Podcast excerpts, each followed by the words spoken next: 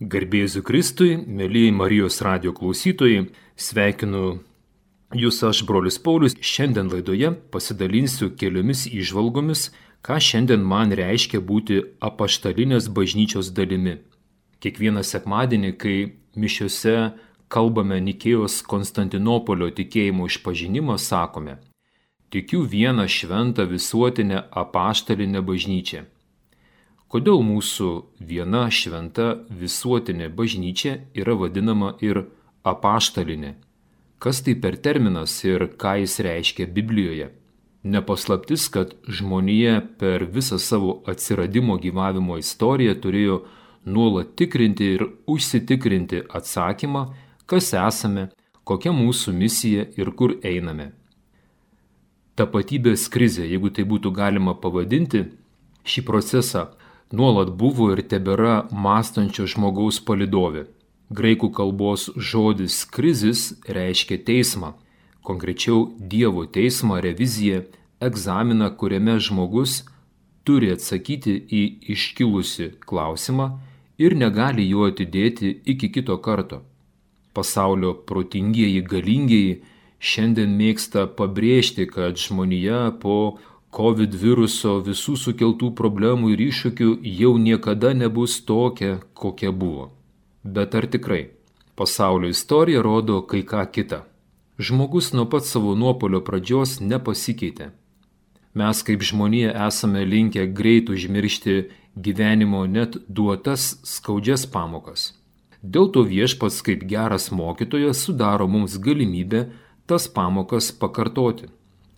Mūsų keliamo klausimo tema, kodėl bažnyčia yra vadinama kartu ir apaštalinė, yra nagrinėjama būtent pasaulį ištikusio lygos viruso kontekste. Iki šio pasaulio krizės nesidomėjau virusų kaip tokių reiškinių, bet kadangi šiandien tiek daug informacijos iškrito virtualioje erdvėje, tai buvau nustebintas, o kartu ir susidūrė su konkrečiais atvejais, kad viruso pavojingumas pasireiškia tuo, kad jis kaip agresorius užpuola gerasias, sveikasias mūsų kūno ląsteles ir pakeičia jų tapatybę, paversdamas pagal savoją. Biblijoje šventajame rašte, kurią galime drąsiai vadinti žmonijos tapatybės istorijos knyga, randame daugybę pasakojimų, kad nuodėmės viruso pažeistas pasaulis nebeatpažįsta Dievo balso kaip absoliutaus meilės ar gėrio šaltinio. Nebeatskiria gėrio nuo blogio, todėl kovoja ir priešinasi gėriui, gindamas tai, kas iš tiesų jį patį naikina. Apaštalai yra pirmoji Jėzaus paruoštų medikų ir mokslininkų komanda, kurie geriausiai nustato viso pasaulio ištinkančių krizių diagnozę ir čia pat vietoje, tose aplinkybėse pateikė efektingą vakciną, pasiūlo įsigelbėjimo planą bei priemonės. Apašalas Paulius laiškė romiečiams iš karto nustatė pirmo užsikrėtusio žmogaus, kitaip vadinamo techniškai nulinio žmogaus koordinates ir kaip greitai toj lyga išplito po visus Žemės kontinentus. Kaip per vieną žmogų nuodėmė įėjo į pasaulį, o per nuodėmę mirtis, taip mirtis prasiskverbė į visus žmonės, nes visi nusidėjo, tai yra užsikrėtė šetono virusu. Toliau apaštalas Paulius rašo, nuodėmė buvo pasaulyje ir iki įstatymo, bet nesant įstatymo nuodėmė negalėjo būti įskaitoma, tai yra negalėjo būti atpažinta. Vis dėlto nuo Adomo iki Mozės mirtis valdė net tuos, kurie nebuvo padarę nuodėmių panašių į nusižengimą Adomo, kuris buvo būsimojo Kristaus provazis. Laiškas romiečiams 5 skyrius 12-14 eilutės. Tai tik vieno iš apaštalų komandos Paulius užrašyta pasaulio krizės sprendimų išvada.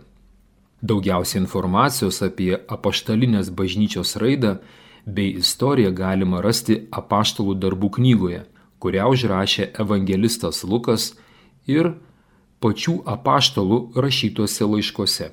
Pats žodis apaštalas kyla nuo graikų kalbos žodžio apostolio, pasiuntinys. Jėzus yra pirmasis apostolio Dievo pasiuntinys pasiustas į žemę kaip gydytojas ir situacijos gelbėtojas.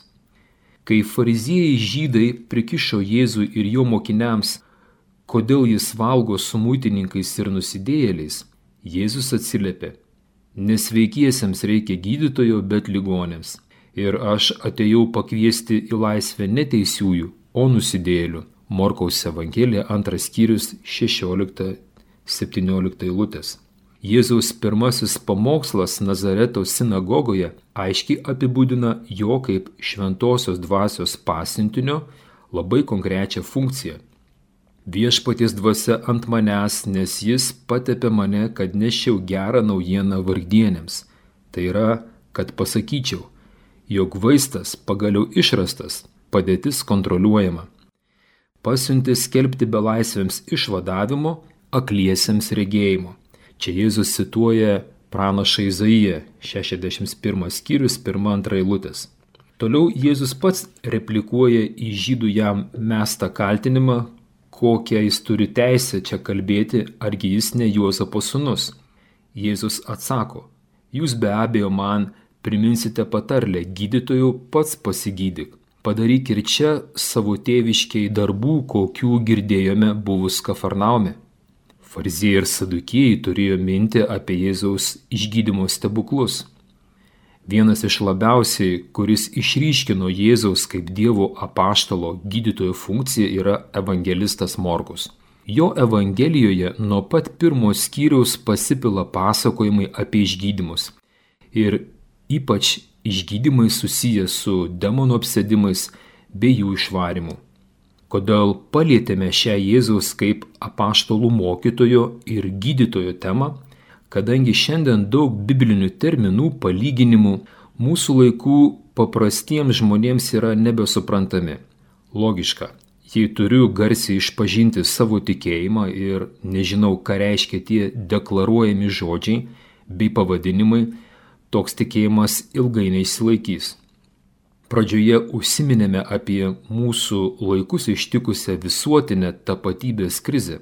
Kalbam ne apie visus žmonės, bet apie tuos, kurie nešioja garbingo krikščionio vardą arba save identifikuoja tokiais.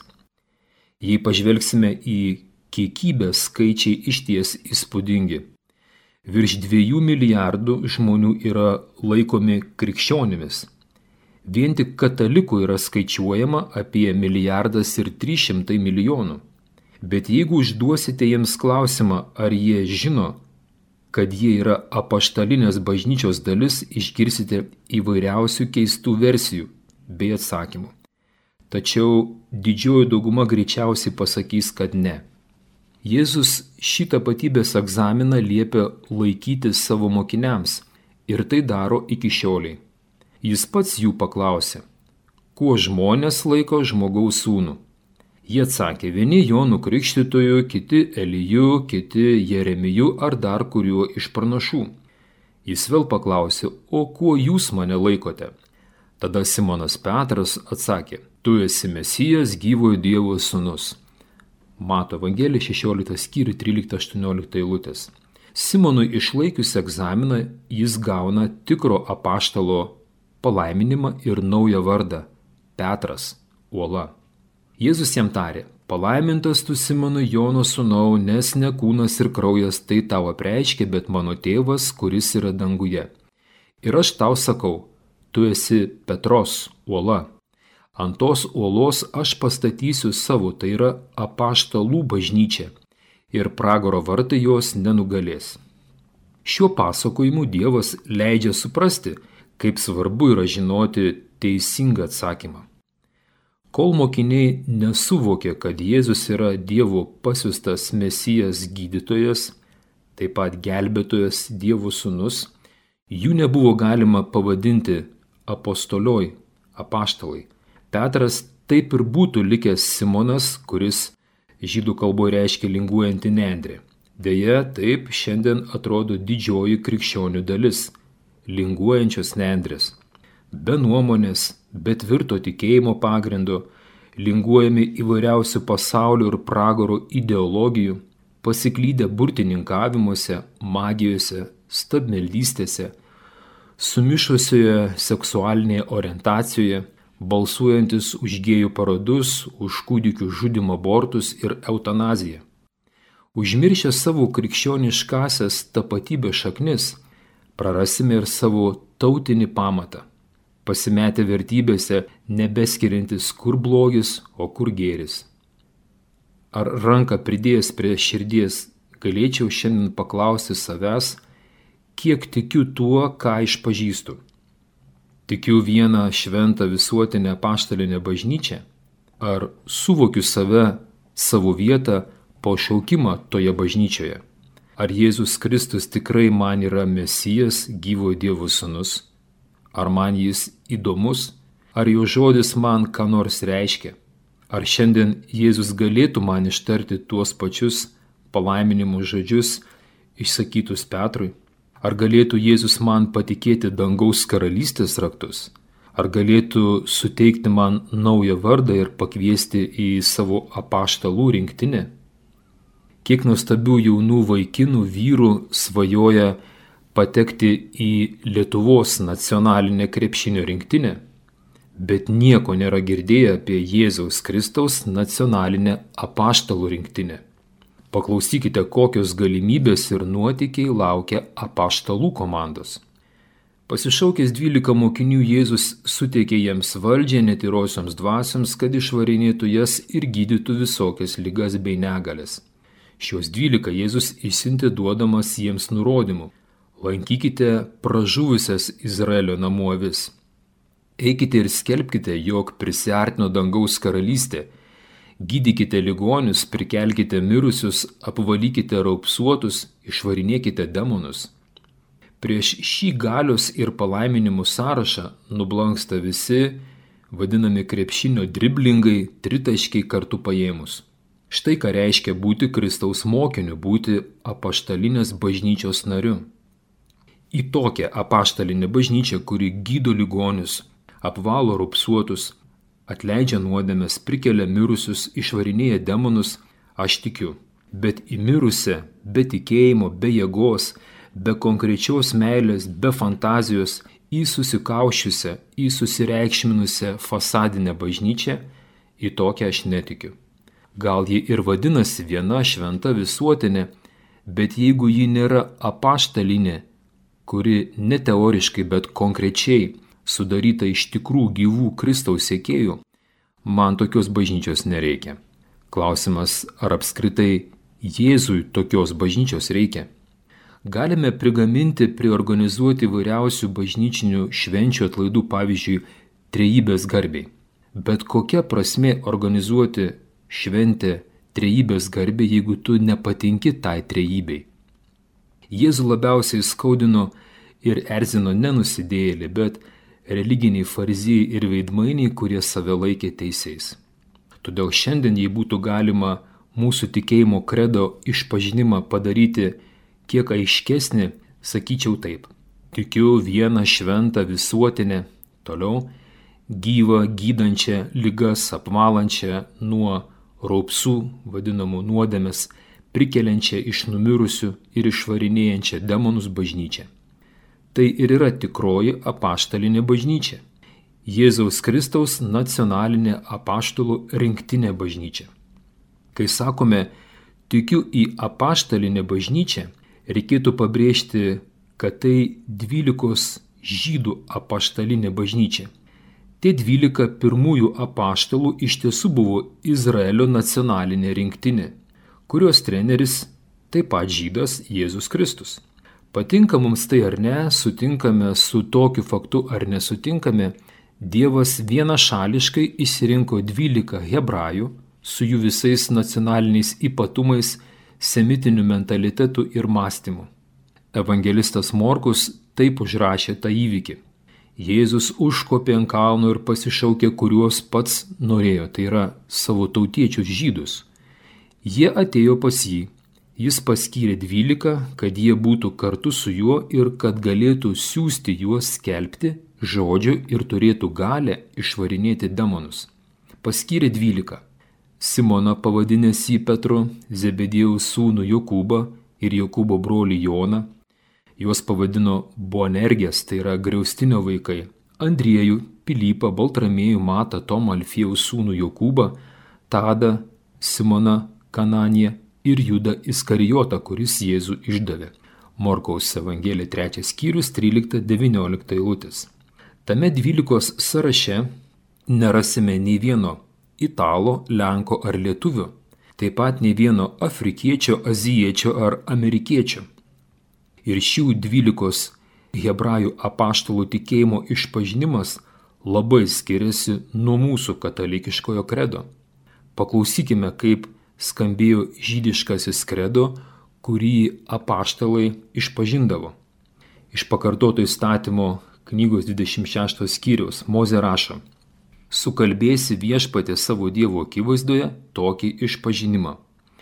Mano tėvas buvo klajoklis aramėjas, jis nukeliavo Egiptan, gyveno tenai kaip ateivis su maža šeimyna ir išaugo į didelę, stiprią ir skaitlingą gentį. Egiptiečiai pradėjo mus engti, spausti, užkrovė mums sunku lažą, mes šaukėmės viešpatė savo tėvų dievų Viešpats išgirdo mūsų šauksmą ir išvydo mūsų vargą, sunkaus darbo naštą bei priespaudą. Jis išvedė mus iš Egipto savo tvirtą ranką ir iškeltų žastų, įvarydamas siaubą stebuklingais ženklais. Jis atvedė mus į šią vietą, atidavė mums šitą šalį pienu ir medumi plūstančią žemę. Ir štai aš dabar atnašauju pirmavaisius žemės, kurią man atidavė viešpatė. Pakartoto įstatymo knyga 26 skyrius 4-10 eilutės. Dievas klaidų nedaro, todėl, kai viešpats Jėzus nusprendė surinkti 12 bažnyčios apaštalų, jis juos ruošė 2000 metų nuo pat Abromo laikų. Jam nereikėjo šiaip savo, bet kokios tautos gerai įsilavinusio, teologiškai korektiško krikščionio, jam reikėjo būtent krikščionio su žydišku mentalitetu bei mąstymu. Atkreipkite dėmesį, kad kai žydas nori išpažinti savo tikėjimą, savo kredo, jis paprasčiausiai papasakoja savo gyvenimo, savo šeimos tautos istoriją. Paklausykime dar vieno apaštalo žydo Pauliaus iš Tarso tikėjimo išpažinimą kredo, kai jam reikėjo tai padaryti Jeruzalėje aukštųjų kunigų inkvizicijos teisme. Paulius sako, aš esu žydas gimęs Tarsė Kilikijoje, bet išauklėta šitame mieste ir griežtai pagal protėvių statymą išėjęs mokslą prie gamalėlio kojų.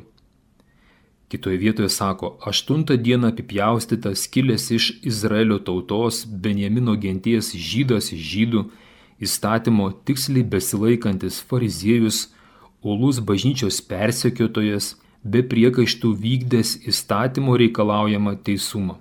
Toliau apaštalas Paulius tęsė savo tikėjimo išpažinimą, kaip neatsiemą savo gyvenimo liūdimą, kaip jis asmeniškai susitiko Jėzų. Aš buvau uolus Dievo kovotojas, kaip ir jūs visi šiandien. Todėl iki mirties bausmės persiekėjau šį kelią, pančiodamas ir įkalindamas vyrus bei moteris. Kai keliavau ir artinausi prie Damasko, apie vidurdienį staiga iš dangaus mane apsiautė stipri šviesa Aš kritau ant žemės ir išgirdau balsą man sakantį, Sauliau, Sauliau, ką mane persekioji? Aš paklausiau, kas esi viešpatė? Jis man atsakė, aš esu Jėzus Nazarietis, kurį tu persekioji.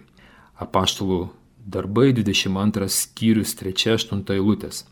Jėzus tikrai daro skirtumą tarp pakrikštytų atsivertusių pagonių viskupų ir įtikėjusių žydų viskupų dar kitaip vadinamų apaštalais.